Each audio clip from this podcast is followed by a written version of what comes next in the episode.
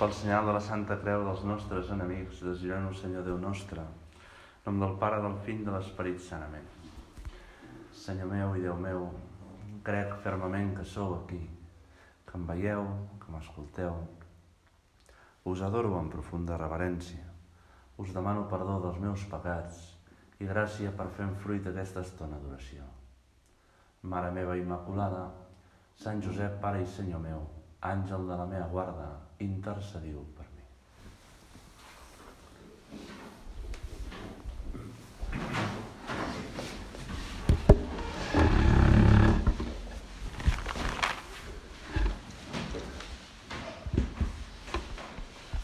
Sant Pau insisteix molt en la seva condició d'apòstol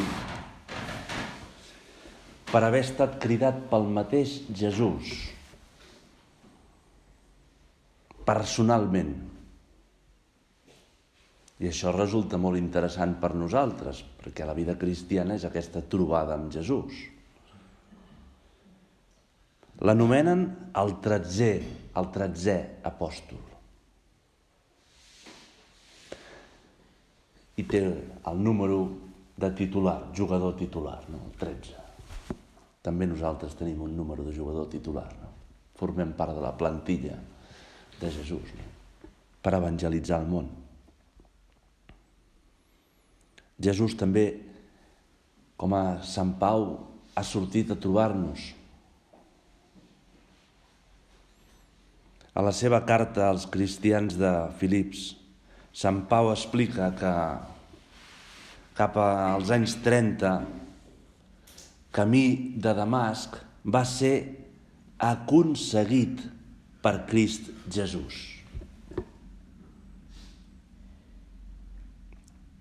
Li recordem aquest episodi, Saula que va camí de Damasc amb unes cartes que li donen autoritat per detenir els cristians i una gran llum el tomba a terra. Sempre hi hem posat un cavall allà per fer una de més bucòlic i més poètic, però no surt el cavall per enlloc. Qui ets? Per què em persegueixes? Per què em persegueixes? Estàs perseguint-me a mi quan persegueixes un cristià. M'estàs atacant a mi, ja Jesús. Saula de Tars era una persona amb molta formació. Havia estat anys estudiant als peus d'un gran mestre d'Israel, Gamaliel, els anys últims de... abans de que comencés la vida pública de Jesús. Durant la vida pública de Jesús, Saul havia estat a Tars. Als peus de Gamaliel havia estudiat la llei, l'estricta observança de la llei. Quan torna a Jerusalem és el moment en què Jesús ja ha mort a la creu, ens ha redimit, ha ressuscitat, ha pujat al cel. Els cristians comencen a desenvolupar-se. Es troba Saula de Tars a Jerusalem, els cristians com si fossin, al seu entendre, una heretgia perillosa. I per això comença a perseguir-los amb totes les seves forces. Els hi sembla, li sembla que són un atemptat contra Déu. I recordem l'episodi aguantant els mantells de la gent que està apedregant Esteve. I ara, camí de Damasc, es troba amb el mateix Jesús. Per què em persegueixes? Segons el gran exegeta Scott Hahn, el que marca més el, set, el fet central de la vida de Sant Pau és aquesta trobada personal amb Jesús. És el fet que configura tota la seva vida. No amb una doctrina, no amb una idea, no amb una cosa racional que entens com bona per la teva vida, que et quadra, uns manaments. no amb un nou intèrpret d'aquesta llei que l'explica molt bé i t'hi adhereixes a ell perquè et sembla que ho fa bé. Ni tampoc és fruit d'una reflexió personal, que vas sumant, vas sumant i dius, és que això quadra. Sinó la trobada amb una persona que és Jesús. Com els demés apòstols, estar amb Jesús cridats a estar amb Jesús i anar a evangelitzar. Aquest mateix Jesús que nosaltres tenim davant. El mateix Jesús que també ens surt a trobar a nosaltres. No hi ha una llum cegadora que ens deixi cecs, que ens tombi al terra, però sí que hi ha una llum espiritual que ens fa entendre que està aquí, que ens mira a cada un. Per què em persegueixes? Una llum que no arriba tant pel cap com pel cor, hauria d'arribar més pel cor.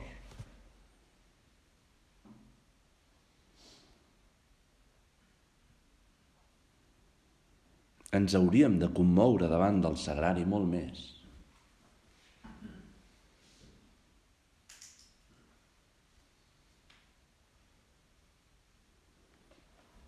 Aquest any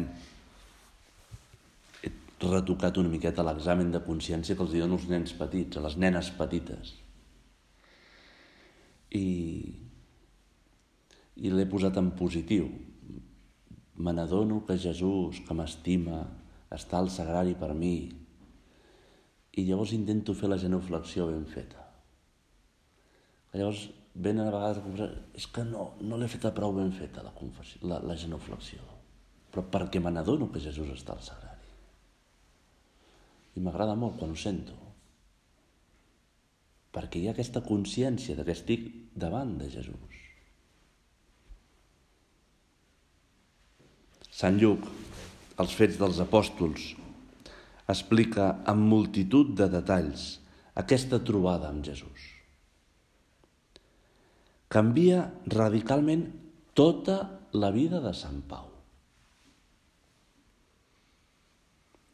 En canvi, el mateix Sant Pau, quan explica la seva conversió en les seves cartes, va més a lo essencial.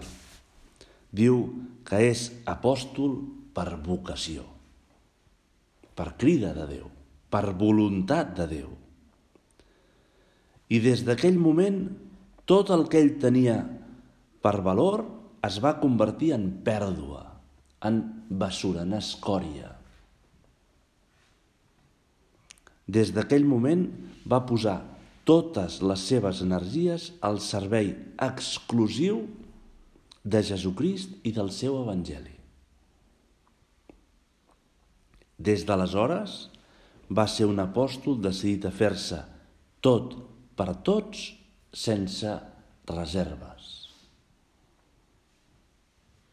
Potser contemplant nosaltres ara aquest apòstol. Podem pensar si el nostre servei a Déu és exclusiu amb totes les energies o si li donem a Déu les restes. Ens contentem per donar-li a Déu un temps i la resta doncs, ja anem fent. Tenim l'exemple de Caín i Abel.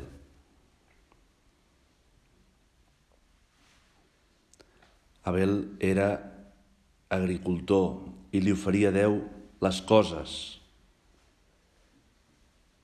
Perdó, Caín era agricultor i li oferia a Déu les coses. Abel, en canvi, era ramader i li oferia a Déu el millor del seu ramat.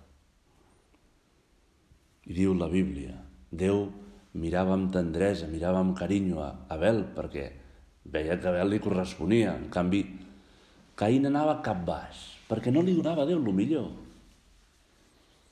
Això és interessant, perquè ja no és només que Déu et miri bé, sinó que tu mateix et, et sents realitzat quan fas les coses ben fetes. Et sents bé, et, et, estàs realitzant el que, el que estàs pel que ets.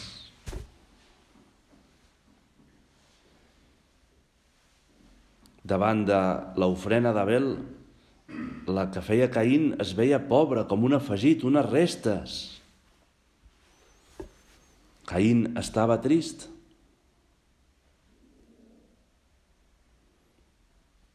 Per no donar a Déu el millor, per no donar-se totalment, li donava les restes. Això ens pot ajudar a entendre la nostra trobada personal amb Jesús. Li hem de donar tot a Jesús, exclusivament, posar-lo al centre, insisteix el papa Benet XVI. D'aquí deriva una lliçó molt important per nosaltres. El que compta és posar en el centre de la nostra vida a Jesucrist. De manera que la nostra identitat es caracteritzi essencialment per la trobada, la comunió amb Crist i la seva paraula. La nostra identitat més profunda, Jesús, és aquesta trobada amb tu. Aquest donar voltes al sol, que és Jesús. I no donar voltes a les meves preocupacions, com si les hagués de solucionar només jo. Donar voltes a, a, als meus capricis. Al centre de la nostra vida, com la Terra gira al voltant del Sol. El que compta és posar en el centre de la nostra vida Jesucrist la nostra identitat més profunda. Jesús se li apareix a Sant Pau al camí de Damasc. Li diu que vagi a Damasc, que se li dirà el que ha de fer. Saula queda sec. El portaran de bracet a Damasc. Saula una persona que tenia un caràcter fort, que era orgullós, podríem dir, quedar sec i ser portat del bracet fins a Damasc és una humiliació profunda. Però més humiliat està per dins, que comença un dejuni intens, de fer penitència.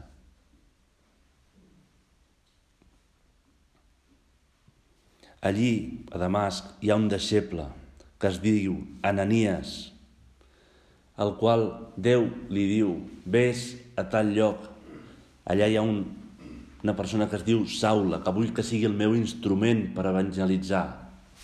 Ananies diu, sabent que Saul havia perseguit cristians, dius, ja hi anirà un altre, ja hi anirà un altre, jo no me la jugo.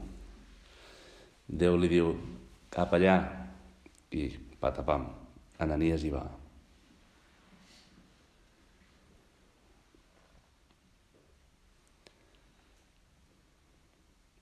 Saula, li diu Ananies, germà, Jesús, el Senyor, el qui se't va aparèixer al camí quan venies, m'envia perquè recobris la vista i siguis omplert de l'Esperit Sant.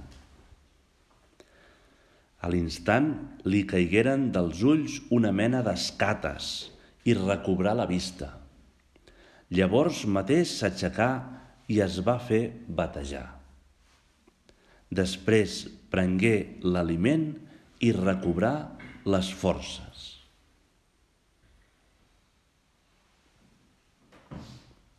Jesús li ha parlat personalment, directament, al camí de Damasc. Ara li parla a través d'un mitjancer, un director espiritual,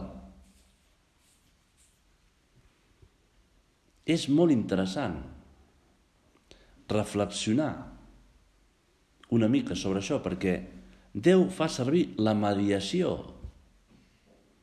de la matèria, l'aigua, el pa, el vi, l'oli, per donar-nos la gràcia en els sacraments, signes visibles d'una realitat invisible.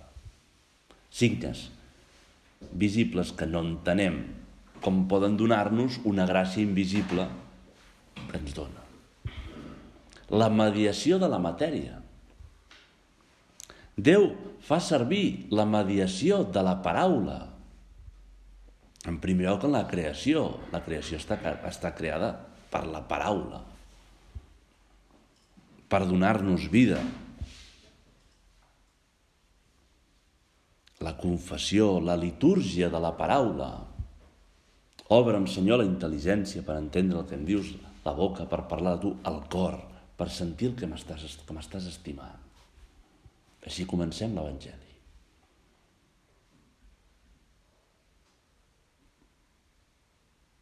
La paraula en majúscula, que és l'Eucaristia.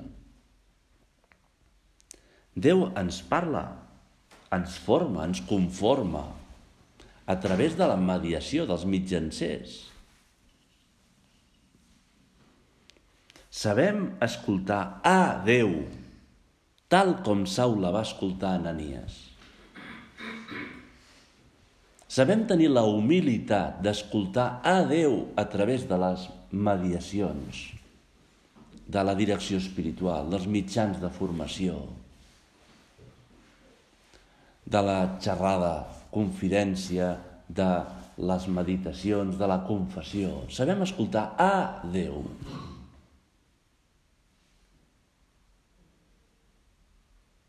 Perquè ens adonem que també nosaltres podem sentir la temptació de supèrbia d'esperar que Déu ens parli directament.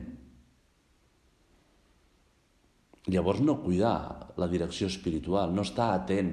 Què em diu l'Esperit Sant? Per què aquest fenomen? Per què aquesta... Per què m'ha passat això? Què m'estàs dient, Déu meu? Què esperes de mi?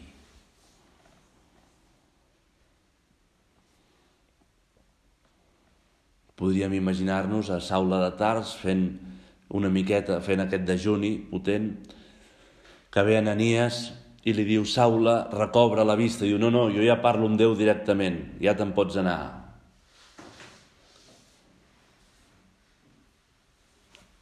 Déu se m'ha aparegut a mi personalment, no cal que tu em diguis coses, tu ets un altre cristià, no, no. Jo ja parlo amb Déu directament. Una miqueta semblant al que, als que diuen, jo ja em confesso amb Déu directament. No? Per això és bo que reflexionem, no? sabem veure a Déu en aquestes mediacions. Aquí trobem també una història a la Bíblia que ens ajuda molt. No? Naaman era un gran general de Síria que es va infectar de lepra, una enfermetat en aquell moment incurable. tenia una serventa israelita,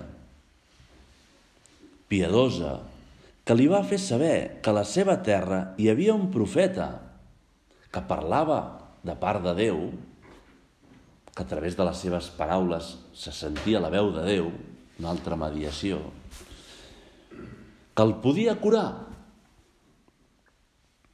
Suposo que després d'intentar mil coses, Naaman va anar amb moltíssimes riqueses al rei d'Israel, Joram. El rei no va poder fer res.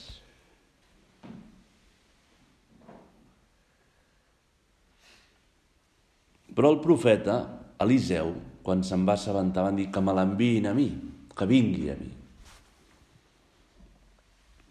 Naaman va anar fins al lloc on vivia Eliseu quan va trucar a la porta de casa seva, Eliseu no va sortir a rebre'l. Li va enviar un servent que li digués «Mira, si vols ser curat, banya't set vegades al Jordà». Naaman es va sentir una miqueta indignat. Jo, un gran general de Síria, i aquí no surt ni aquest profeta que viu en aquesta casa miserable a dir-me les coses. Naaman també es va sentir indignat perquè esperava un gran miracle. Esperava que baixés una llum del cel, un foc purificador que li traiés la lepra. No es pensava que el fes banyar en aquell riu Jordà, que per ell seria com la riera de Mata de Pere. tenint rius tan grans com tenia a Síria. No? Se'n va anar enfadat, però els seus criats més senzills li van insistir. Si t'haguessin dit una cosa difícil, l'haguessis fet. Doncs pues banya't. Banya't aquí. Es va banyar i es va curar. Es va banyar i es va curar. Va voler recompensar Eliseu amb diners i béns, que no va acceptar. Llavors el va recompensar amb la seva pràctica religiosa. Això és la direcció espiritual. Aquest és el camí de salvació que el Senyor, que tu, Senyor, ens has demanat, la mediació. Nosaltres podem pensar, fent una mica d'oració, quants cops volem escoltar Déu directament, que també ho fem a l'oració. Eh? Però quants cops podem menysprear els emissaris que Déu ens ha donat, ens ha enviat? Les seves mediacions, el camí per al que Déu ens porta. I aquí estem parlant de la confessió puntual, estem parlant de, dels mitjans de formació, estem parlant de, de llegir la, la, la Bíblia per saber el que Déu ens vol dir. Estem parlant dels cercles, estem parlant... Però hi ha un pas més, que el sintetitza Jesús quan diu els vostres camins no són els meus camins. Perquè tants cops Déu ens parla i ens condueix a través de la imperfecció, dels imprevistos, de la derrota i del fracàs, de la contrarietat i del dolor els meus camins no són els vostres camins. Planifiquem la nostra vida espiritual, faré això, després faré això, faré això, i pst, Déu ens porta cap a una altra banda. I en aquesta altra banda és on hi ha la mediació de Déu, és on hi ha la gràcia de Déu. Sabràs oferir-me aquesta contrarietat? Sabràs veure'm darrere d'aquest dolor per oferir-me'l, per corredimir, o t'aniràs enfadat com Naman. A, a Síria tinc rius molt més grans. El... I comença a dir noms de rius.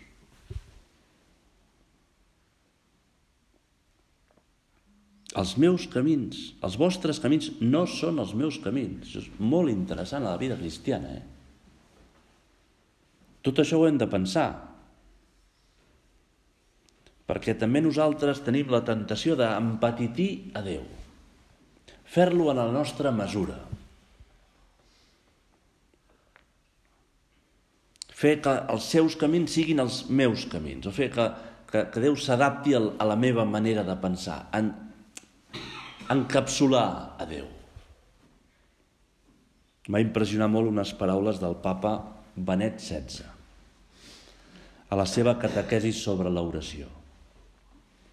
Allí parla de l'episodi en què Moisès puja al Sinaí a buscar les taules de la llei.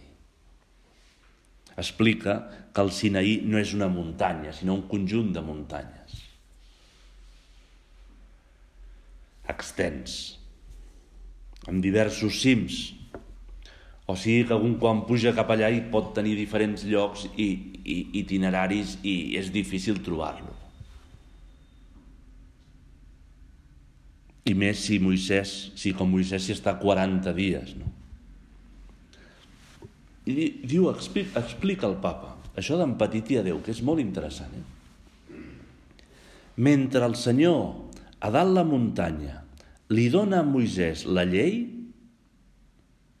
a dalt la muntanya, a prop de Déu, als peus de la muntanya, el mateix poble la desobeeix.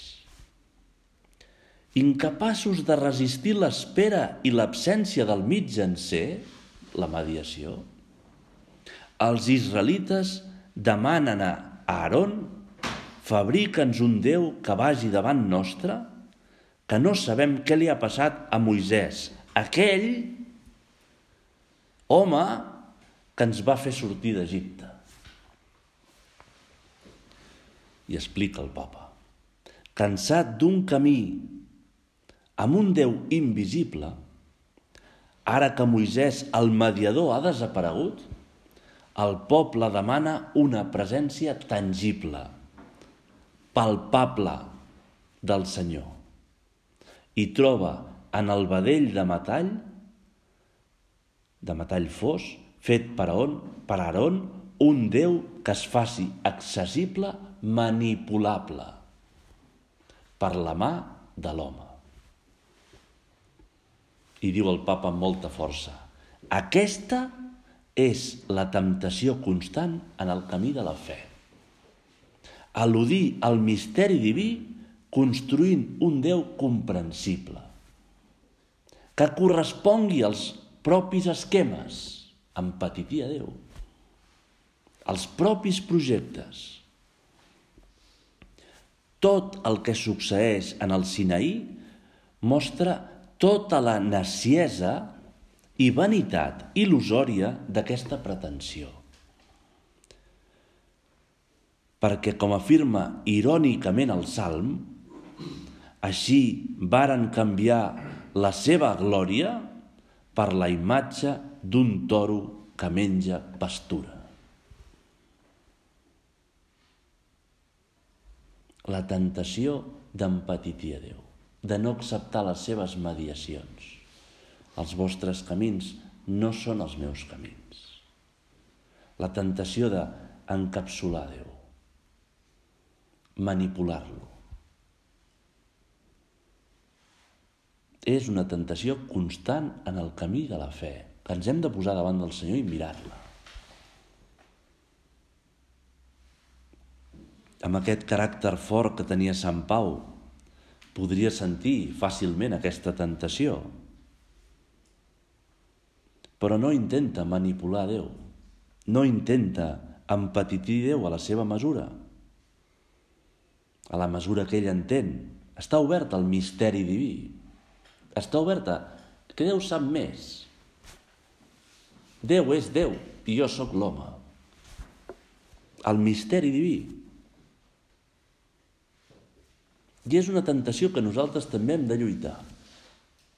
No empatitir Déu, saber escoltar-lo tal com ell ens parla, el que ell ens diu, no el que nosaltres volem que ell ens digui.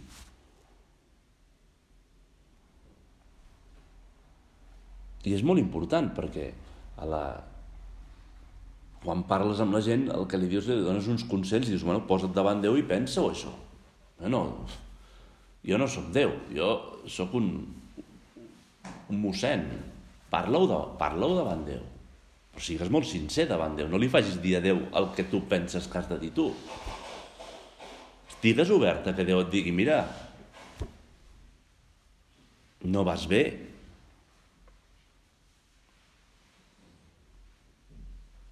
Acaba l'Evangeli de la conversió de Sant Pau explicant Saula es va quedar alguns dies amb els deixebles que vivien a Damasc i ben aviat es posà a predicar a les sinagogues que Jesús és el fill de Déu. Jesús és el fill de Déu. Va predicar amb tanta força que al cap de poc els mateixos jueus que l'havien considerat el seu líder van decidir matar-lo. I Sant Pau va haver de fugir. el tretzè apòstol. Mirem a la Mare de Déu. Li demanem que també nosaltres sapiguem escoltar la veu de Déu a través de les mediacions, amb el que ens fa present realment la persona de Jesús com el va trobar Sant Pau. Dono gràcies, Déu meu, pels bons propòsits, afectes i inspiracions que m'heu comunicat en aquesta meditació. Us demano ajuda per posar-los per obra. Mare meva Immaculada, Sant Josep, Pare i Senyor meu, àngel de la meva guarda, intercediu